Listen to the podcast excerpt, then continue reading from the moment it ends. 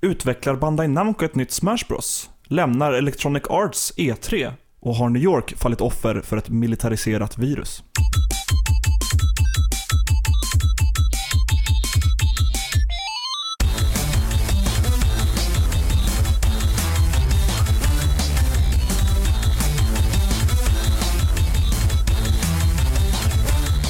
Du har återigen valt att eh, lyssna på IGN Sveriges podcast. Eh, vi får väl gratulera härifrån. Jag heter Viktor Sjöström, med mig har jag Per Landin och eh, David Grundström. Katar, Katar. Ja. Hur, hur, hur är det?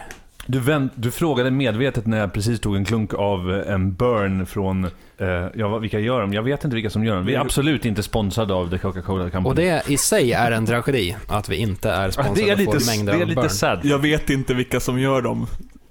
Vi är inte sponsrade av de som gör dem. Yes, men det är bra. Kanon. Är det bra?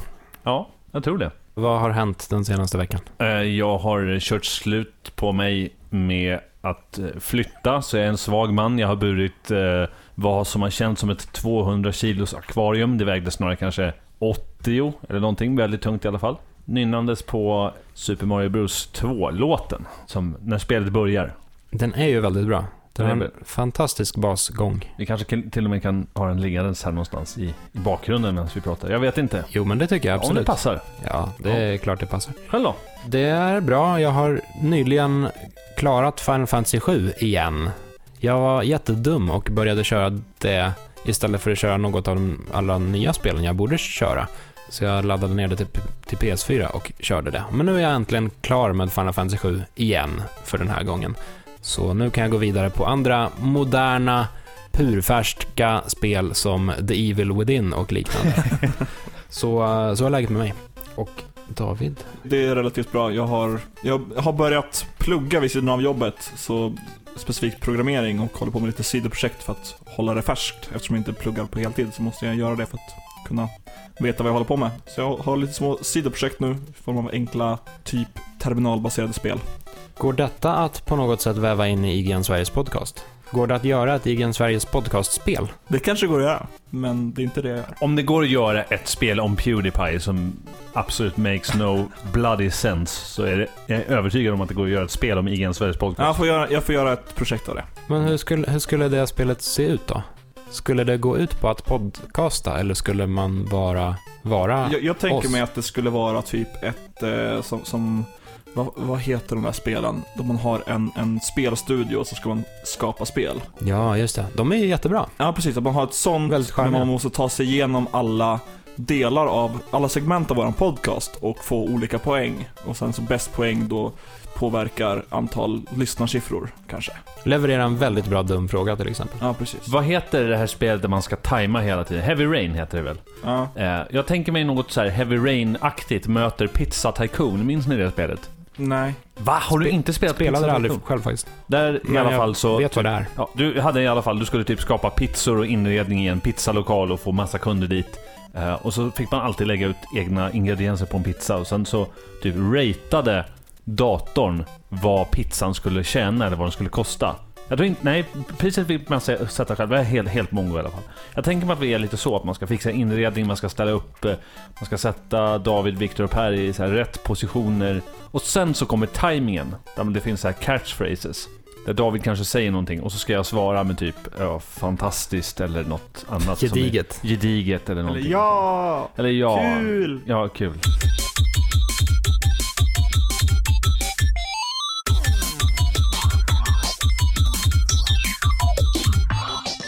Vi lyckades ju positionera oss väldigt duktigt, eh, för, inte förra veckan, till och med förrförra veckan med vår dumma fråga som vi körde då, när vi la till ing i slutet av speltitlar. Det droppar fortfarande in kommentarer. Och nu kom ju guldet. Ja, den ur- ursprungliga frågan är ju som sagt, lägg till ing, bokstäverna ing i slutet av en speltitel, se vad den speltiteln blir och se hur det förändrar själva spelkonceptet.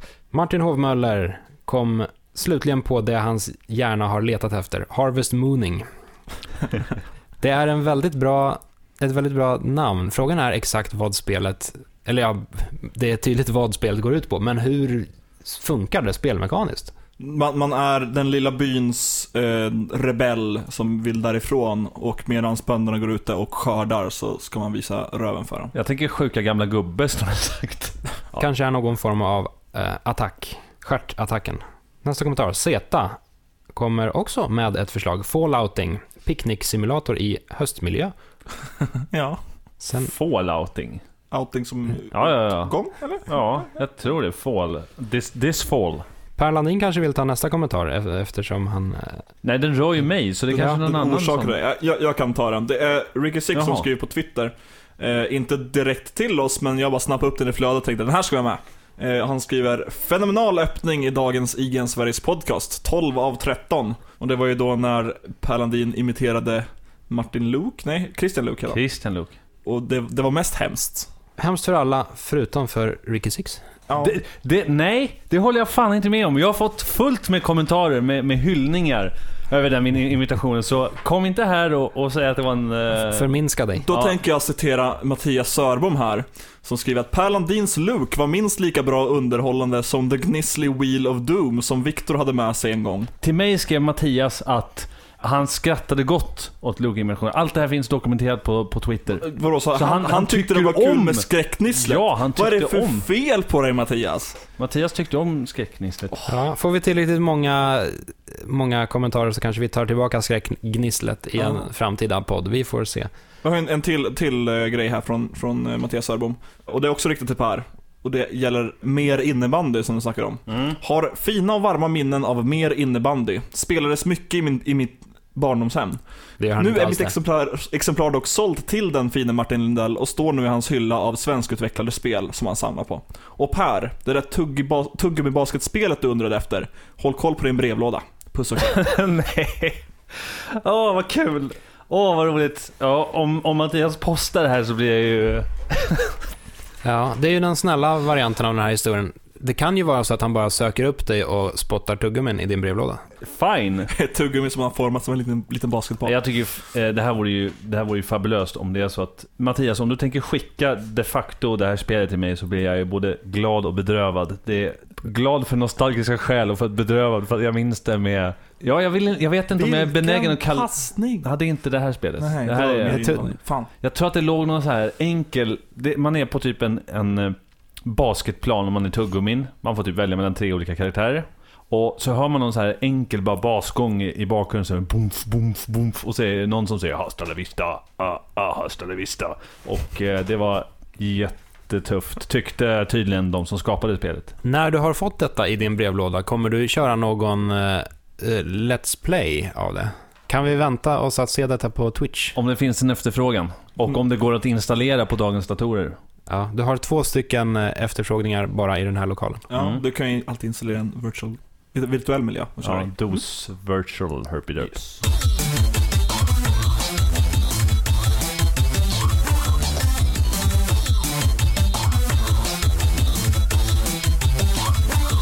Dagens dumma fråga, och det känns ju lite tungt att köra dumma frågan nu, för vi har ju...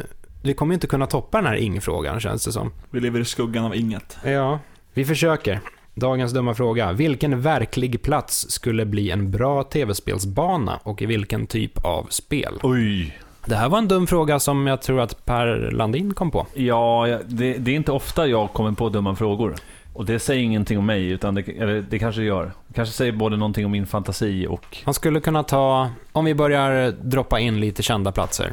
Vi kan ta Slussen och sen dra in det i ett spel som eh, bygger mycket på fysik och förstörelse, typ Red Faction. Ja, eller Battlefield 4 eller någonting. Ja. Battlefield Blasco. 4, Battlefield 4 känns ju gediget för Slussen, för Slussen är ett rivningsobjekt, så att där är det och ju så. precis vid DICE eh, kontor. Ja! De håller på att flytta nu i och för sig, men precis där det ligger nu. Det är ju sant. Så, Så då kan man spränga både DICE och Slussen.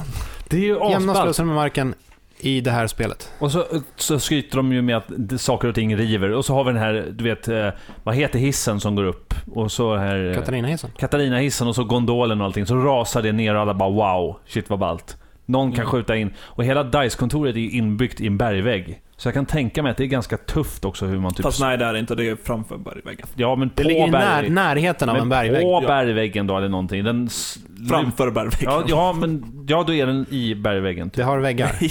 Skitsamma, om du skjuter typ en stark jävla raket så typ sprängs hela kontoret och allt man kommer se kvar i bergväggen. Och det, Battlefield och det är ett 4. argument som håller. Slussen. Jag tror att det är ett bra namn också. Slussen. Ja, men det tror vi. Vad gör vi av Globen då? Ja, det är ju Katamari Damacy. Vi rullar iväg Globen Japp. i ett Katamari-moln. Jag kan föreställa mig att typ Kaknästornet skulle kunna bli någon, antingen i stil med eh, Magic Sword eller gamla Nes Kung Fu. Alltså att det är någon, man tar sig våning för våning upp till toppen och på toppen så är det en jätte, jätte ond slutboss. Men det är ganska eh, repetitivt och eh, Men det är ju gamla NES-spel ändå någonstans. Ja, precis. Eller bara filmen Dread, fast i Stockholm. Ja, Det, just det. men- Kaknästornet är lite ballsättningen då, för du har den här linjära vägen upp. Det är väldigt Du har lätt en start och ett mål. Det är väldigt lätt att, att eh, rendera också, för det är ju bara gärdet runt omkring och gärdet är ju en jävla gräsmatta. Så det, Så det kan bara, vara på 64. Men vad- Ja, lägg på en grön, platt textur. Men varför tror Så. ni om det här då? Spelet typ systemkollaps. Man spelar en arg, en arg svensk som har bestämt sig för att stoppa systemkollapsen. Ska man sitta i en bil och skrika? Och, och man kör till tornet och längst upp så står liksom slutbossen Stefan Löfven. Och Och man, ska, man, ska, man ska ta sig upp och så ska man outkäbbla honom. Hur, hur går detta käbbel till? Blir det någon form av... Som, som svärdfighterna i Monkey Island. Ja, jag tänkte, eller, eller som rap-battlingen i Parappa kanske? Jag, jag föredrar en, en gammal hederlig button mash. Alltså, riktigt hård button mash. För att uttrycka sin ilska. För man vill få det här ur systemet. De som spelar systemkollaps. Nästan lite så här käbbel. Jaha, du vill ha lite mer, eh, jag vet inte, lite mer parappa-upplägg? Att man Ja, ja, jag- outkäbblar ja, Stefan Löfven? jag tänkte lite, lite åt det hållet.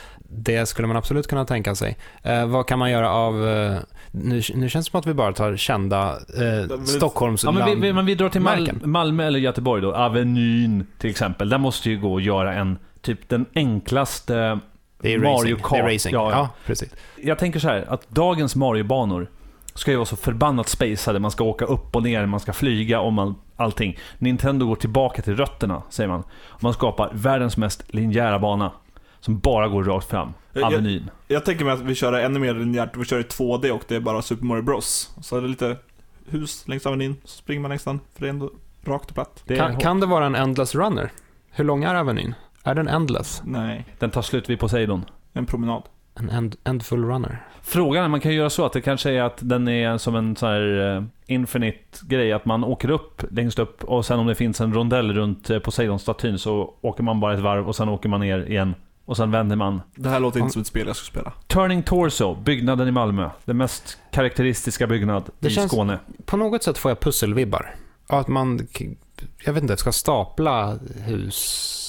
Jag vet inte riktigt hur man får in snurrandet i det hela, men eh, kanske att man, eh, det är någon form av Tetris fast 3D-variant och det regnar snurrande skyskrapor från himlen. 3D-Tetris, det har väl i och för sig gjorts, men de måste passa former, inte bara eh, på längden utan även på djupet. Och de har kurvor som måste passa i ett pussel.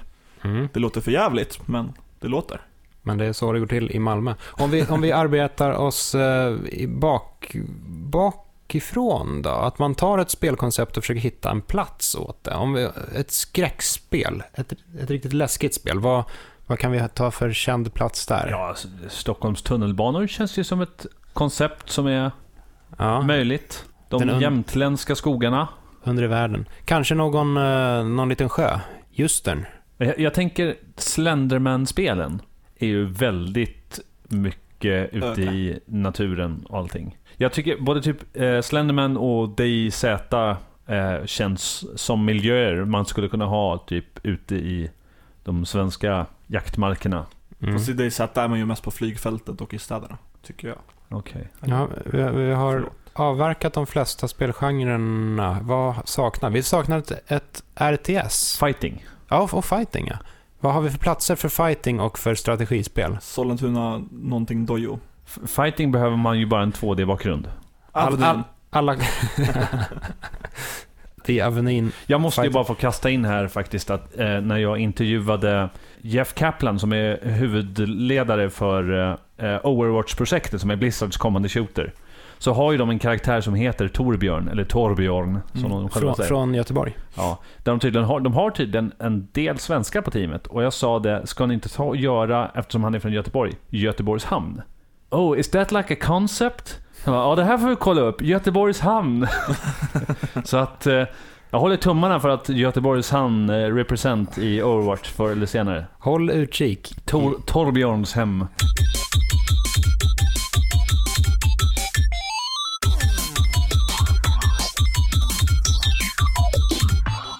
Vi har kommit till nyhetssegmentet i den här podcasten och om det här skulle vara ett spel, då skulle vi behöva varva lite feta nyheter med lite roliga nyheter som vi kan spekulera runt i för att få maxpoäng. Först och främst, det ryktas om, och det här började ryk- ryktas om redan förra veckan, eh, men det går i alla fall ett rykte om att Bandai Namco arbetar med ett nytt Smash Bros till NX, alltså Nintendos kommande konsol. Och det kanske, eller kanske inte, är en ny version av det senaste spelet, det vill säga Super Smash Bros for Wii U. Och, det här, yes. och det ska i så fall förmodligen då släppas till NX-releasen. Nu kommer jag låta som en, en riktig noob här, men är det Bandai Namco som vanligtvis utvecklar Smash Bros? Nej. Det är Nja, Hell Project. det är väl Sora som har gjort det senaste. Men de eh, tog hjälp av eh, Bandai Namco. Vilka var det som gjorde de två, tre första då? Från början var det ju Hell. Det var bara bara så att jag hade lite rätt. Men som sagt, eh, Bandai Namco har varit inblandad Mm. i serien tidigare. eh, Med det senaste spelet där. Men det Eh, kanske är bara bra, för att Namco kan ju verkligen utveckla fightingspel. Ja, får se hur bra Pocken Tournament blir. Är du peppad på Pocken? Inte direkt. Jag är peppad på Pocken. Det är ju, det är ju en så grym speltitel. I alla fall, eh, det här låter väl ändå inte helt orimligt. Nintendo är duktiga på att släppa gamla spel i ny, lätt nya versioner, så de skulle ju kunna bundla ihop eh, alla DLC-karaktärer och lägga till lite nya spellägen. Så, så det, Det skulle i så fall bli... Så, så när Smash väl brandar ut och inte bara släpps på stationär, då, då kommer det släppas på två stationära och en bärbar. Det är Mm. lite i sådana fall. Det känns lite orimligt att det skulle komma ett, alltså ett, ett, ett helt nytt Smash. Känner jag. Ja, helt nytt, det har jag väldigt svårt att tänka mig att de Ja. har hunnit med. För då får man anta att det här spelet kommer visas på E3 om ett par månader. Så kanske, men i så fall är det nog en eh, variant av det gamla, Ja. skulle jag tippa på. Men vi får se. Var du klar där?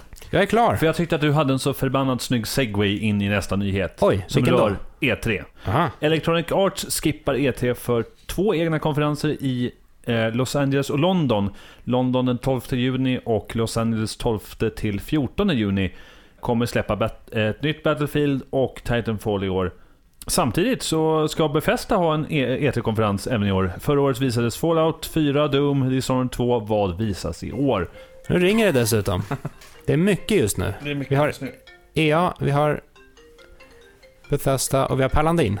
Ja, så Bethesda bekräftar sin E3-närvaro och Electronic Arts gör en Blizzard och bryter sig loss. Eller så kan man ju säga att EA does what Nintendo also does. Och sluta med, med E3-konferenser.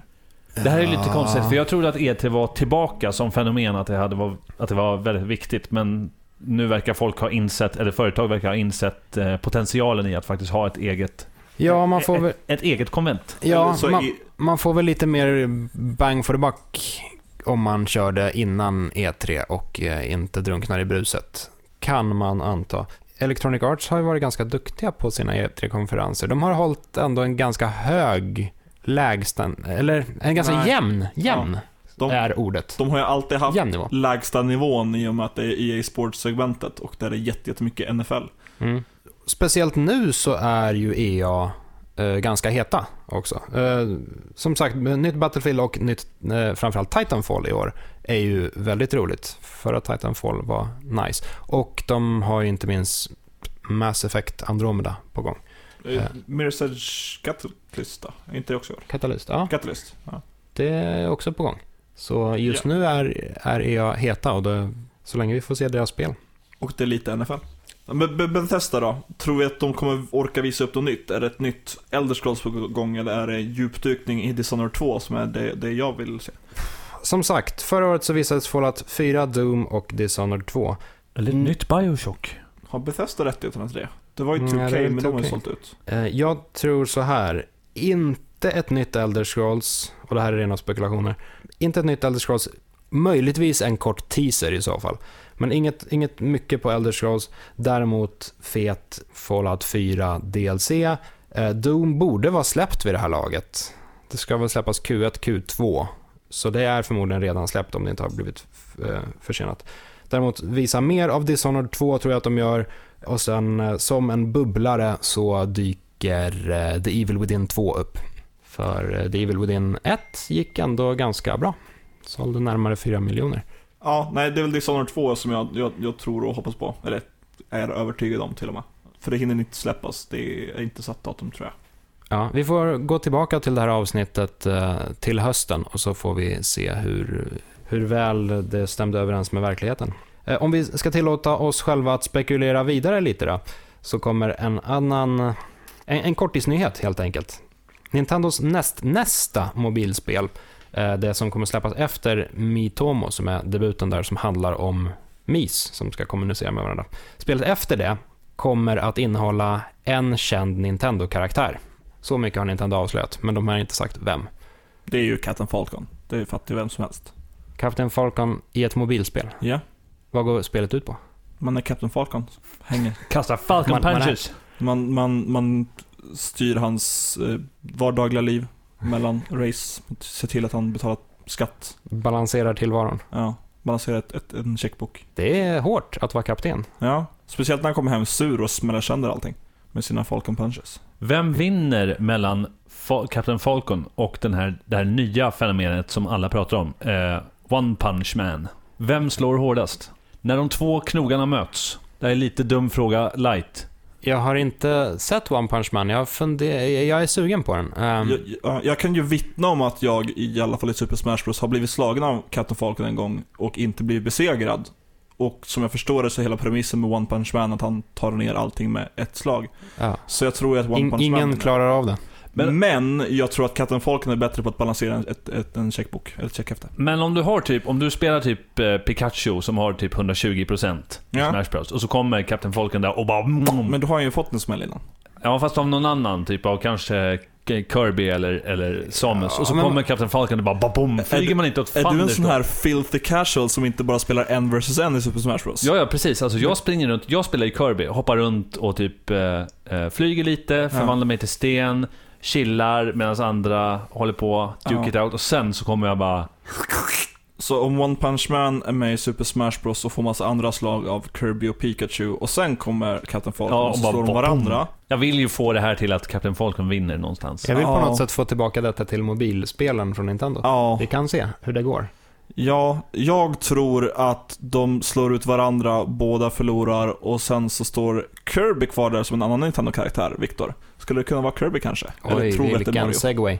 Jag tror att det är Birdo.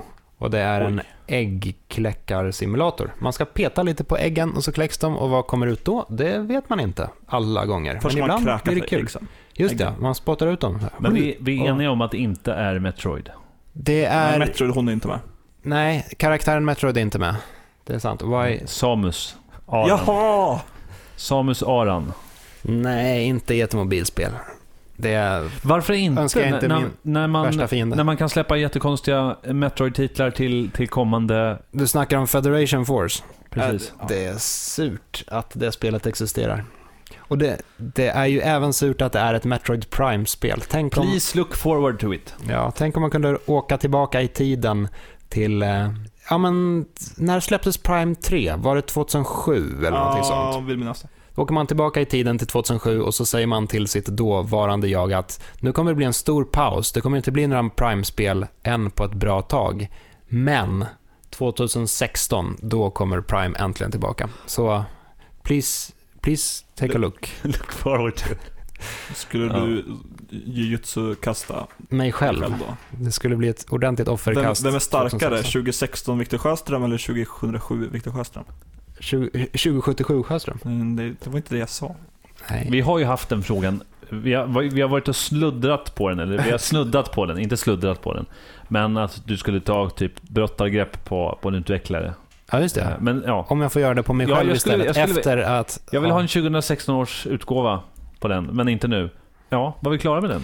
Med Ja, jag vet inte. Om inte du ska... eh, eh, Hade du en gissning? Du, din gissning var Samus. Ja, jag sa Metroid och då bärsade ni mig på mig. och Det var, det, Med all rätt. Vem är Metroid? Det vet jag inte vem det är. Nej. Menar du de, de facto Metroiden i Metroid? Det var inte det vi sa. Men jag kan gå in på sista nyheten i så fall. Ja, Det det. tycker jag du gör. Hearthstone, kortspelet som tjänar hutlösa miljoner kronor, eh, Från Blizzard får ett nytt läge. Det är nämligen så att under 2016 så ska de dela upp spelet i någonting som heter standard och någonting som heter wild. Och det fungerar i princip så att man kommer dela upp... eh, Det har blivit så många kort i Hearthstone att man ska försöka dela upp det så att det ska bli lättare för nya spelare att komma in. Lättare läget standard kommer eh, inkludera kort som är max två år gamla. Så allt annat eh, tidigare faller bort. Och eh, detta för att Blizzard lättare ska kunna bygga ett bättre spel och kontrollera spelmekaniken lite mer. Medan i konceptet Wild så kan du gå fullkomligt berserk med alla kort. Det låter ju som typ Magic eller typ Pokémon. Det är ganska rippat från Magic vad många säger. Men det är vad Är det- Blizzard har gjort förut ganska mycket. Är det här en bra grej då? Eh, ja, det är det väl. Det är väl bra för alla... Jag, jag har ju kompisar som inte kommer in i spelet för att det är för svårt att komma in nu. Mm. Även på typ den lägsta ranken som är rank 23, rank 24, 25 tror jag. ja 25. Så möter man lekar som inte går att besegra. Det är lite smådrygt som ny spelare. Så att det är en väldigt uppför, en väldigt uppförsbacke. Så det är skönt att kunna hoppa in i ett nytt spelläge där det är väldigt begränsat för vad folk kan ha för kort. Mm. Och det blir också spännande med metat, att man inte kan ha kvar gamla monsterkort som helt plötsligt blir kanon i en ny meta, utan man verkligen jobbar med det som är aktuellt för den senaste releasen. Två kan jag tycka till och med är lite långt bak. Ja, Som i alla fall Pokémon Trading Card Game fungerar så är det senaste, eh, de har säsonger som är på typ ett år, eh, mellan sommar och höst eller någonting. Eh, att man kör med det istället kan ja, vara en enkel in- inkörsport, för det finns inga monsterkort du kan köpa för mycket, mycket pengar. Eller måste köpa för mycket, Det mycket kan pengar. vara så att jag säger fel, att det kanske inte är två år utan två säsonger eller dylikt. För det Ja. kanske låter mer eh, makes sense på något sätt. Men jag tycker det också är kul, som du säger, det finns ett meta, men så kommer det också finnas Wild där du verkligen kan gå, nu ska jag bygga en riktig OP-lek och... Ja. Nej men det blir spännande faktiskt. Jag tror att det Det är... låter som en, en rimlig utveckling. Det är bara att gilla läget.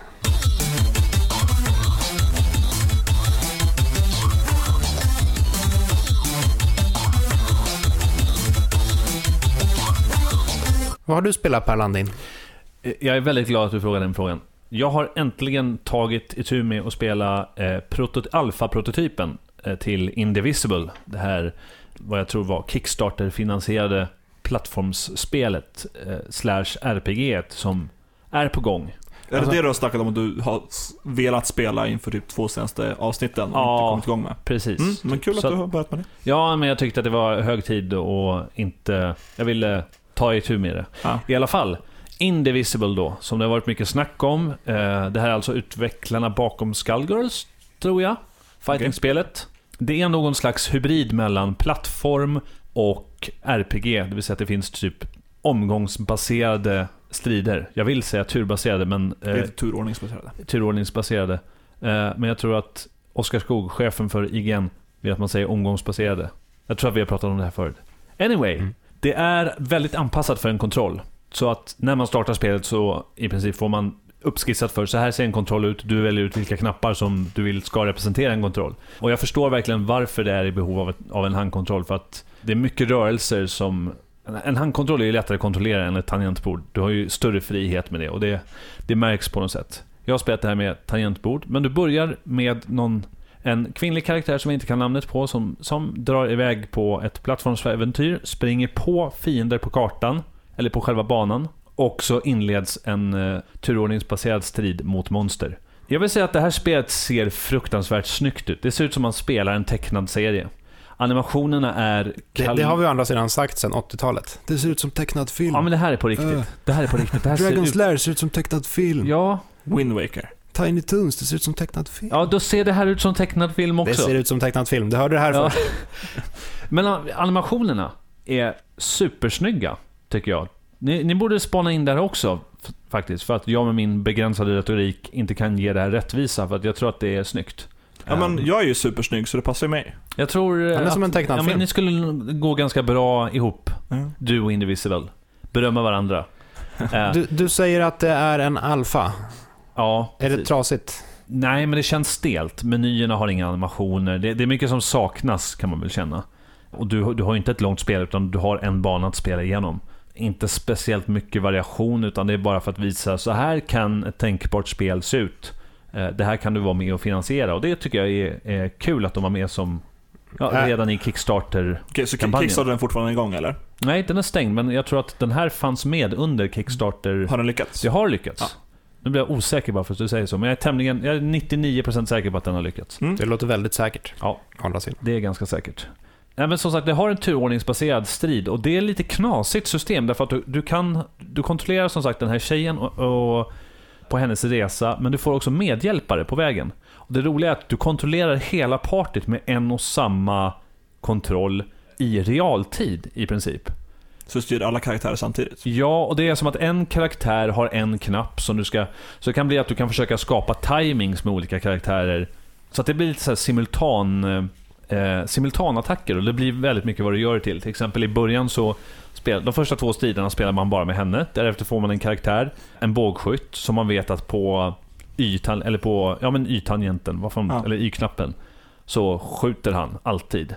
Eh, det, det är ett väldigt knasigt spel, för det är som sagt det är någon form av real active time battle med ett antal handlingar. Så ju längre du väntar typ, så får du fler handlingar. Och när du levlar upp så får du än fler handlingar som du kan förbruka direkt. Säg att du låter tiden gå i 10 sekunder, så bygger de upp en buffert på tre attacker som du kan använda sen. Säg att du sparar upp på hela laget, så kan du bara button-masha på hela kontrollet, så kommer hela, hela laget attackera. Så man sitter och tar stryk och sen säger man haha this isn't even my final form och sen Ja, kör man. Typ. Jag tycker att det är ett väldigt intressant koncept eh, överlag. Det, det, känns, det känns spännande och du kommer också kunna göra så att det ska tydligen finnas väldigt många olika karaktärer som du kan swappa mellan och byta ut. Jag vet inte om det är bara för de som är med i Kickstartern, men de kommer inkludera andra karaktärer från andra typ indiespel, vad jag har förstått. Så det är väldigt eh, crosspollinering. Typ som Metroid. Ja, Metroid vet jag inte om det får vara med riktigt. Säkert däremot, eh, nej det kanske är för gammalt nu, men ett tag så var väl eh, Ca- Castle Crashers med lite här och var. Jag tror faktiskt att Castle Crashers är en karaktär som, eh, en av riddarna som är med. Jag är inte helt säker på det, men de har ett brett galleri för vad som kommer vara med. Det verkar Mm. finnas en annan grej också, det är att du kan hitta typ vapen på kartan när du är ute och springer. Eh, så säger man hittar en yxa som du både använder i striden, men också använder som ett eh, moment i eh, plattformsdelen av spelet. Till exempel, du kan hoppa på väggar. När du hittar en yxa så kanske du till och med kan sätta yxan i väggen så att du kan klättra högre hela tiden så att du inte faller ner varje gång du, du hoppar på en vägg utan ta som ett fast tag, stanna kvar där och sedan hoppa vidare, fortsätta uppåt. Det, det är drömmen. Det finns något spännande i Indivisible. Ja, det låter som att de håller på med många koncept. koncept. Ska jag sticka in ett litet, eh, litet spel? För jag har, jag har ett ganska ohett spel och eh, David har ett ganska hett spel. Så jag tänker att om jag drar mitt oheta spel först så får, eh, får man suga på karamellen lite. Vad det kan tänkas vara som David har spelat. I och för sig står det förmodligen i beskrivningen av det här avsnittet. Tro, troligtvis. Det var inget. Det här, den här cliffhangern blev inte alls bra. Men jag drar ändå mitt lilla spel. Det är Tiny Brains har jag kört. Eh, det är ett eh, co-op pusselspel, finns på PS4. När man spelar som små färgglada råttor i någon labbmiljö. Och de har olika förmågor. Eh, en råtta kan putta saker framåt, en råtta kan suga åt sig saker. En råtta kan skapa någon isplattform och hoppa på en kan eh, teleportera sig och byta plats med föremål. Eh, och så ska man lösa små pussel och så är det mm, tokrolig humor i bakgrunden som blir ganska tröttsam ganska fort. Eh, det påminner lite om... Lost Vikings, känner jag. mm, ja, jag tänkte snarare på eh, Splosion Man Mm. i stilen, fast inte lika roligt. Okej. Eh, Så lite, lite tråkigare Explosion Man i själva storyn och inramningen. Eh, och sen är ärligt talat pusslen ganska konstiga och oexakta i sin lösning. Det, det räcker ofta med att man flummar runt lite så lyckas man lösa pusslen. Eh, så egentligen så Jag, jag vet inte hur långt vi har kört. Vi kanske har kört genom halva vid det här laget. Ärligt talat så är det nog inte något jag skulle rekommendera, förutom faktumet att man kan vara fyra. Finns det någon... I sådana här pusselspel, fin, finns det någon form av berättelse med? Eller bara plöja alla banor? Eller? Eh, nej, det, det är en berättelse. Eh, Det, det, det är en forskare som har, eh, har eh, framställt de här märkliga små djuren. Så han springer runt och är jättestor då, i och med att de är jättesmå. Eh, och så springer han runt och säger, åh, mina råttor. Men mer story än så. Gripande. Ska man besegra honom? Ska man fly labbet? Ja, det, är, man, det verkar lite oklart exakt vad deras agenda är. De springer mest vidare till nästa kammare hela tiden. Lite som Glados kanske, att det är massa experiment. Ja, fast utan, utan den smarta inramningen som Portal faktiskt har. Som sagt, jag, jag, det här spelet är inte jättebra. Men det går att vara fyra och det är alltid ett plus. Att Hur vara inte fyra. jättebra är det på en grad, 13 graders skala? För tillfället så skulle jag väl kanske säga att det är sju, Det är väl inte helt okej? sex då. Det är helt okej, och så sätter du en, sexa på en 13-gradig Men jag skala. satte ju en sjua, nu blev ju David Men det, arg är- på det är mig. ju hälften. Det låter... Ja. Ja, Yes. nu, nu, nu kan jag inte göra något rätt. Sex nu blir alla 13. arga oavsett vilket betyg jag sätter. 6 av 13, helt okej. Då kan jag ta vid igen om inte David vill prata om någonting. Nej, jag vill Nej. vara sist. D- jag Vill du ha en assist? Nej. Det, ja, det kan vi En, fixa. en assist eller en nazist? Jag kan prata om någonting som inte är spel. Jag har nämligen mot min vilja tvingats se DC Comics spin-off-serie Legends of Tomorrow. Men jag har bett om ursäkt för det här. Böstrade du upp hela tiden? Ja, fortsätt. Legends of Tomorrow som är ja, en spin-off-serie för Flash, Arrow, massa skit. Alltså det är, vad, är, vad är motsatsen till crème de la crème? Det är typ Pool la Po. Settingen då, jag, jag måste se vad han heter, jag har namnet på det här. Eh, han som är då någon form av eh, lead role i den här, det är Ar, Art, Arthur, Arthur Darwill, som alltså är, för, de, för alla Doctor Who-fans där ute, alltså Rory, com, companion till den trettonde doktorn, jag har ingen aning. Matt Smith, för alla som har koll. Det är Han- elfte doktorn. Elfte doktorn då. Mm. Ja, det finns en massa doktorer, jag har ingen koll. Mm. Han spelar, lite lustigt nog, en Time Ma- Master. Som i framtiden, jag tror år 2166, så håller eh, skurken Vandal Savage på att förstöra världen. Och eh, i, sin, eh, i sin hopplöshet så bestämmer sig den här Time Mastern för att Rip Hunter heter han. Det är ett bedrövligt namn. Hans karaktär heter Rip Hunter. Rest in peace. Rip Hunter Det lite, lite coolt. Då. snor ett eh, ry- tidsrymdskepp och reser baka, tillbaka i tiden för att hämta massa superhjältar som ska stoppa Vandal Savage innan det är för sent. Och han samlar på sig The Atom, han samlar på sig Black Canary, han samlar på Hawk Girl och Hawkman, någon snubbe som heter Firestorm, som typ är två personer som fusar ihop till en. En Archon. Det är verkligen en Archon. Ja. Och två skurkar, varav en är typ huvudrollen i Prison Break. Jag har ingen koll på vad han heter. Han som alltid ser eh, lite arg ut. Precis. Han som alltid ser arg ut. Vad heter han? Michael Schofield. I Prison Break. Ja. Ja. Du har också den här snubben som... Victor Garber tror jag han heter. Han har varit med i Alias och i Titanic bland annat. Den här vithåriga, vet du vem jag tänker på? Vithårig i Titanic. Ja, men det, To be fair så var de flesta vithåriga i Titanic du fram har ju slutet. sett, alltså du har sett Titanic tusen gånger. Det är din favoritfilm. Du måste veta vem Victor Garber är. Han som är kaptenen. Det är faktiskt han som är kapten på det här skeppet. Eh, han samlar ihop de här i alla fall. Och så börjar de resa i tiden för att stoppa Vandal Savage. Men vänta, kaptenen på Titanic, det är ju Theoden. I Lord of the Rings. Nej. Får jag bara hoppa tillbaka till hur du beskrev det här? För du använde det coolaste uttrycket som var en tidsrymdfarkost. Jag bara antar att du menade rymdfarkost typ fast den kan resa i tiden. Ja. Men det blir ju jättehäftigt i, i konceptet tidsrymden. ja, men det Som är man ju då lite... måste böja om man ska resa genom tiden typ. Ja, Eller snabb, jo, snabbare än ljushastighet. Den ser ju ut som ett rymdskepp Ja. och den parkerar i typ tidsfickor. Ja, Ja, men Så- det ser jättecoolt uttryck med tidsrymdfarkost. tack. Ja. Jag har inte tänkt på det. Du, vill- du vill ju ha lite pris av i förra Patent. podden. patent. ja, nej men det, det här i alla fall ska vara DCs nya coola serie. Och det är sån utter dynga så att jag, jag vet inte vad. Så jag förstår även fanservice, man gillar Arrow och Gotham och Eh, fast Gotham kanske inte är med i det, men Det kanske kommer, jag har ingen aning. Det Flash känns som och det. hela den, den här, härvan. Det är verkligen en, en bunt skräphjältar med ett urkast manus som av inga anledningar alls bestämmer sig för att åta ett uppdrag som typ kan leda till döden. Det är, alla karaktärer är jättestereotypa.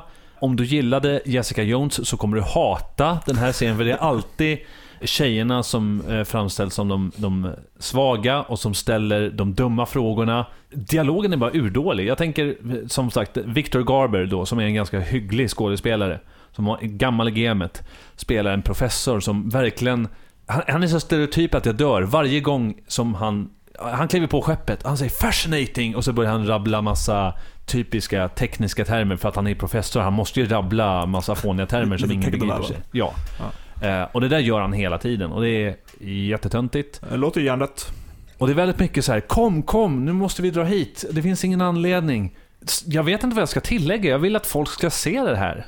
Ja, men, ja, men det, Det låter men, inte och, som och, det. och så här, grafiken, tydligen så har de lagt jättemycket pengar på grafik då.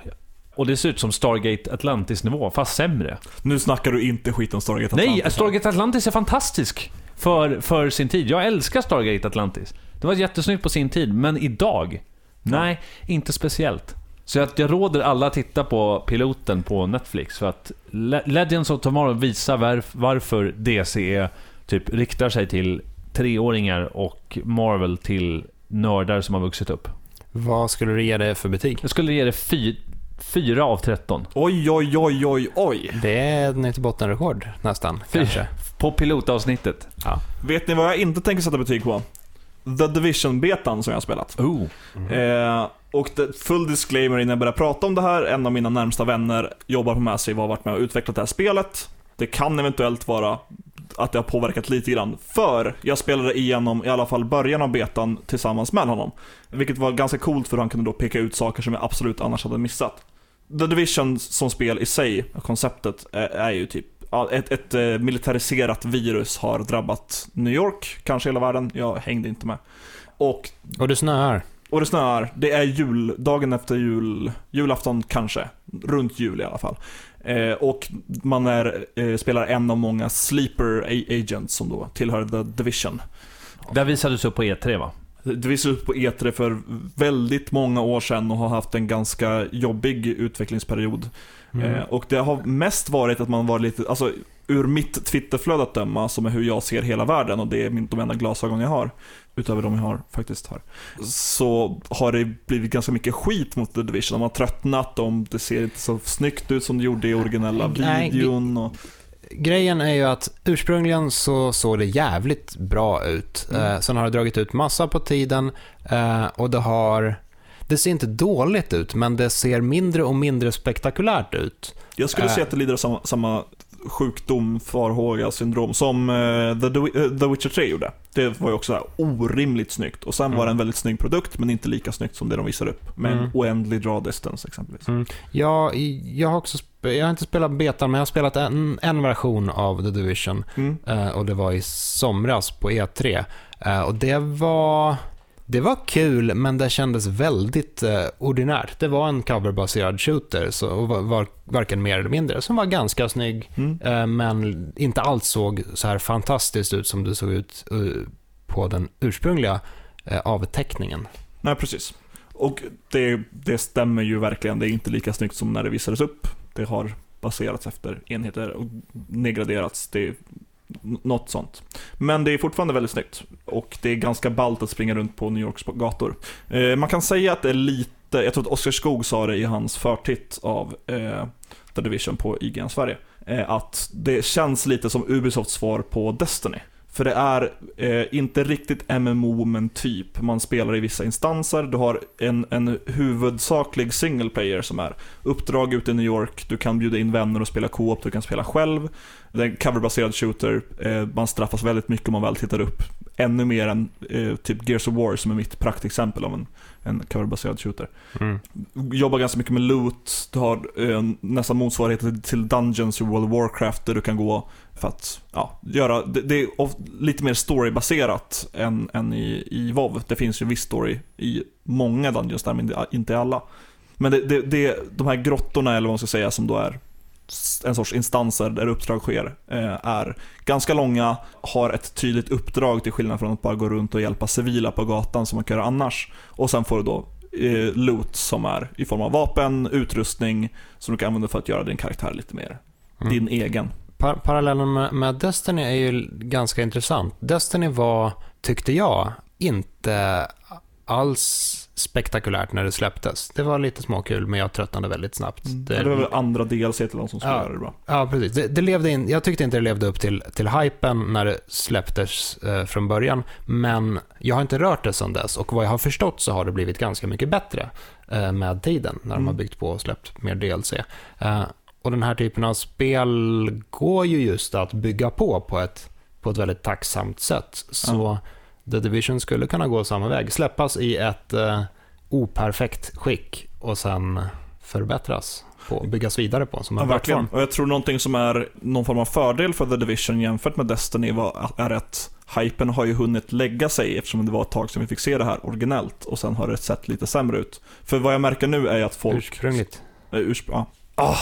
Vad jag märker nu i alla fall är ju eh, på, på ja, mina följare på Twitter att det har ändå uppskattats av de som har spelat det. Det finns vissa brister och för mig personligen känns det som att i och med New York och det är, ganska, det, det är stora långa gator du spelar längs.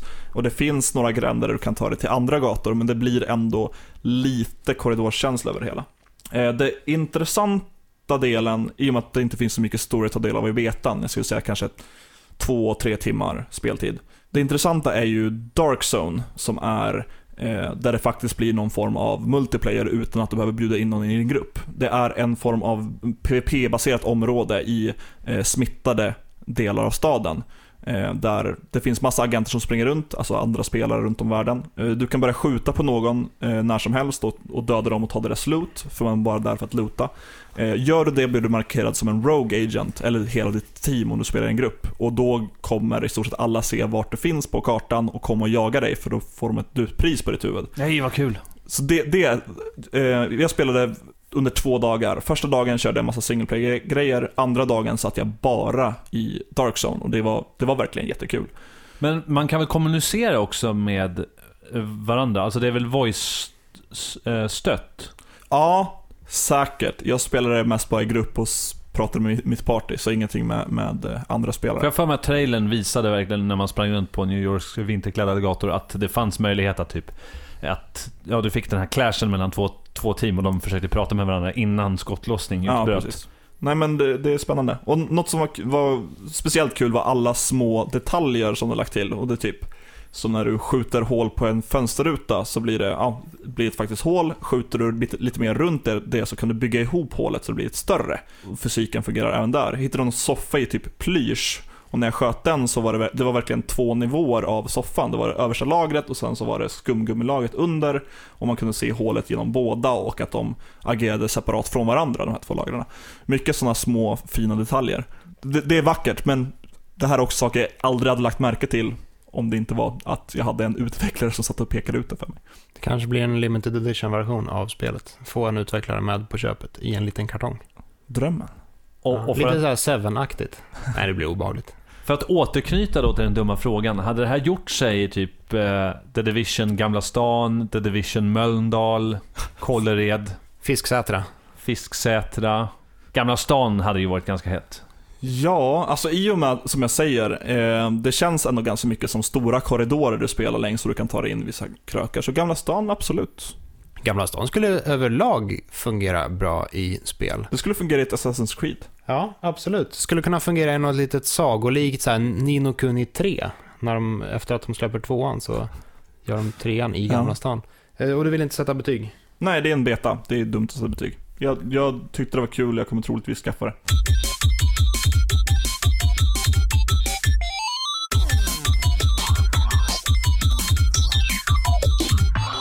När du lyssnar på det här avsnittet så får man väl tippa på att det är... Eh, Sommar. nej, att det är för jävligt tänkte jag. Ja, gud ja. snarare. Eh, vi har svenska februari månaden. Det är slask överallt. Eh, det är inte så jättemycket sol. Eh, man blir blöt om tårna när man är ute och går och det är... Varken vinter eller vår. Systemkalops. Precis. Så, då får vi söka oss till spelen för att hitta lite ballare årstider. Eh, veckans ämne, årstider i spel. Vilket spel har riktigt bra och tydliga årstider eller årstidsväxlingar? Eh, vad kan man göra spelmekaniskt med olika årstider? Vilken är favoritårstiden i spel? Ordet är Vinter. fritt.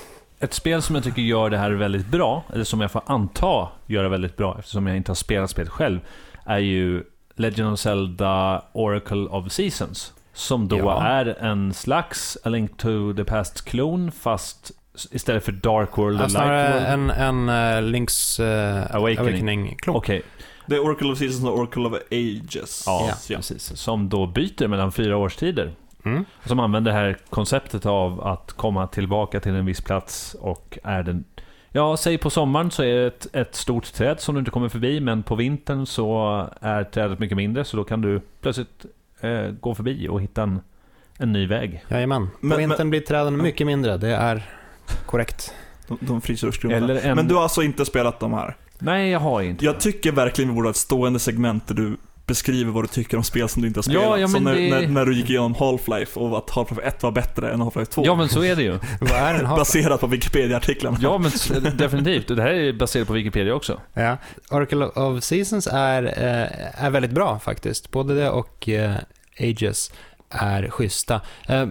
Och det är, det är ju kul, det är väldigt konkret pussellösning eh, när man använder årstider för att ta sig förbi. För man gör det va? Jag sitter inte. Jag har inte, jag har inte fel, får jag hoppas. Nej, men det är det. Eh, lite snö som försvinner när vintern går över till vår och sådär. Det enda problemet är att det är ganska gammalt och det gjordes på Game Boy Color. Så det, det har ju färggrafik, men det är inte mycket mer än så. så man, Men principen. Ja, principen är jättebra. Eh, Det jag säger är bara att eh, Så det, rent Det- spelmekaniskt är det intressant. ja, spelmekaniskt är det intressant, men det, det blir ingen, inte, inte riktigt en så här blommande skildring av årstider. Hade det varit ett bra spel att göra om då? Tycker Jag du? skulle hemskt gärna vilja se en eh, remake av det här. Det vore, vore mycket mysigt. Jag bidrar med Secret of Mana. Det har en, eh, det har en årstidsdal, är det, har jag för mig. Där man kan gå igenom alla årstider. Och så kan man gå igenom årstiderna i en speciell ordning, tror jag, har jag för mig. Har dessutom den fantastiska låten Color of the Summer Sky. Jag kommer inte ihåg vilken låt som spelas där. Spela sen Color of the Winter Sky när det är vinter och Color of the Autumn Jag, jag vet inte David. ärlig. Jag skulle vilja nominera till den här... Uh, jur, nej. Jag skulle vilja ta upp, och nu måste ni hjälpa mig här på namn och sånt, men i Banjo Kazooie, den här banan med det stora trädet. Big Tree Stage. Ja, precis. Big, big, den ökända Big Tree du, Stage. du snackar om, eh, är det Click Clock Woods? Ja. Eh. Det har en fantastisk låt. Den måste vi spela här. Den måste vi spela här.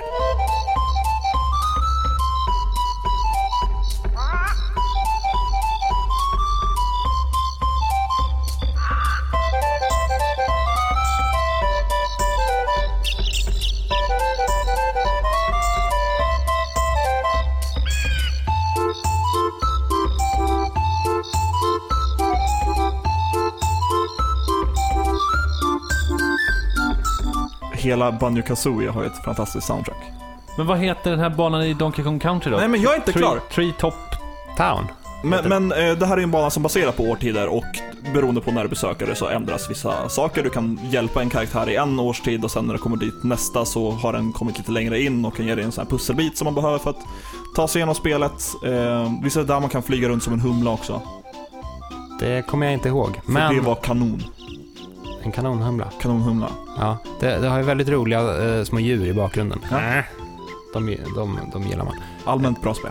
Ja, Bra my, musik. mycket, mycket bra spel. Eh, om man tar ett li, lite mer diskret exempel så passar ju The Last of Us in. Det har inga så här omedelbara årstidsväxlingar utan det är snarare utdraget över lång... T- tid har Tid. gått, nu är vi här. Ja, precis. Och jag tycker det är ganska effektfullt ändå så här. Och sen gick tiden och så blev det vinter. Och så, ja det blir... Ja, Ja. Det, det är snyggt. Eh, Jag, jag tänkte faktiskt inte på det här förrän jag kollade på behind the scenes. Eh, The, Hob- The Hobbit-filmerna, de är inte jättebra, men jag, eh, jag kollade igenom Battle of the Five Armies här om dagen. Och de kör också på en sån här årstidsväxling som inte jag tänkte på när jag såg. Att den börjar i våren, går till sommaren, till höst och sen slutar den i vinter. Det är inte ett spel. Det är inte ett spel. Nej, men däremot så är ju Turtles 2 The Arcade Game det. Och där finns det ju en bana där man börjar i vinter. Jag tror att det är så att Shredder har använt en typ... Ja, men ja. Han har, han har dragit, han har sugit energi från solen och sen när man klarar den banan så har vi den klassiska bilden där två turtlar går, varav en stannar upp, det vill säga det som är player one och, typ, och, och säger “Springtime is here”. Och det är, lite, det är lite fint. Du har en årstidsväxling mellan två banor. Ja. Jävla Shredder att alltid ställa dig dit vädermaskinen. Ja, det är en sjukt oskön snubbe faktiskt. Är det inte något av sån... Nej, det är en vädermaskin man har i Sonic Knuckles. Ah, skitsamma.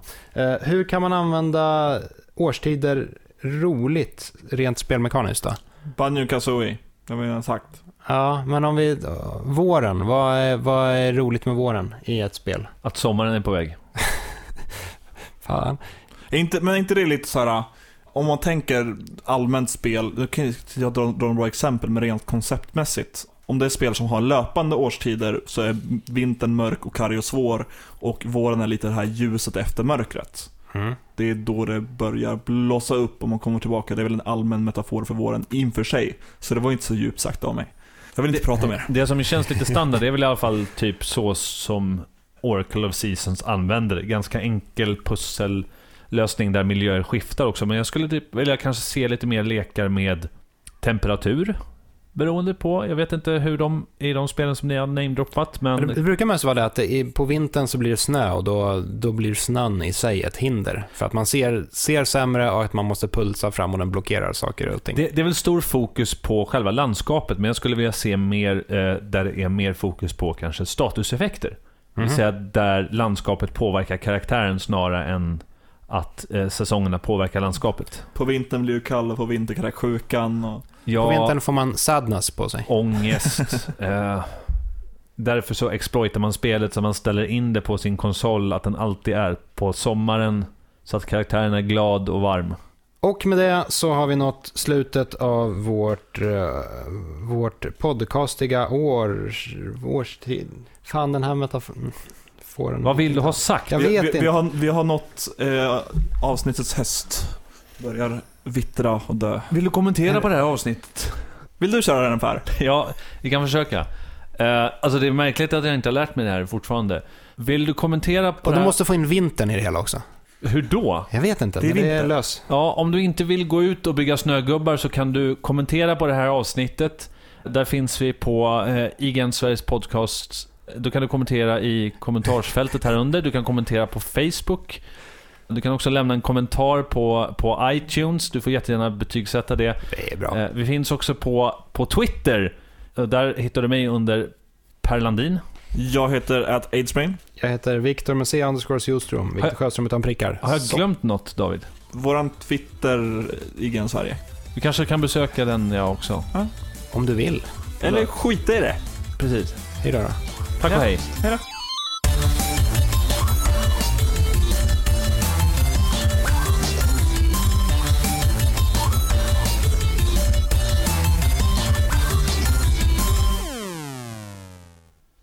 Utvecklar Bandai Namco ett nytt Smash Bros. Lämnar el- Electronic...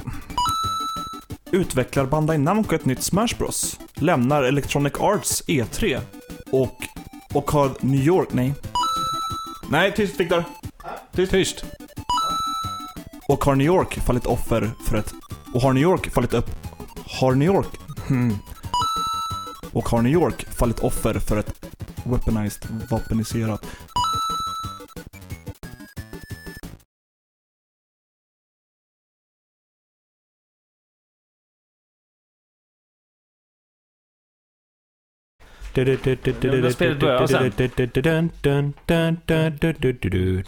Eller? Nej, Eller med... den som kommer... Ja, Den har en väldigt bra basgång. den är bra. Den är fruktansvärt bra.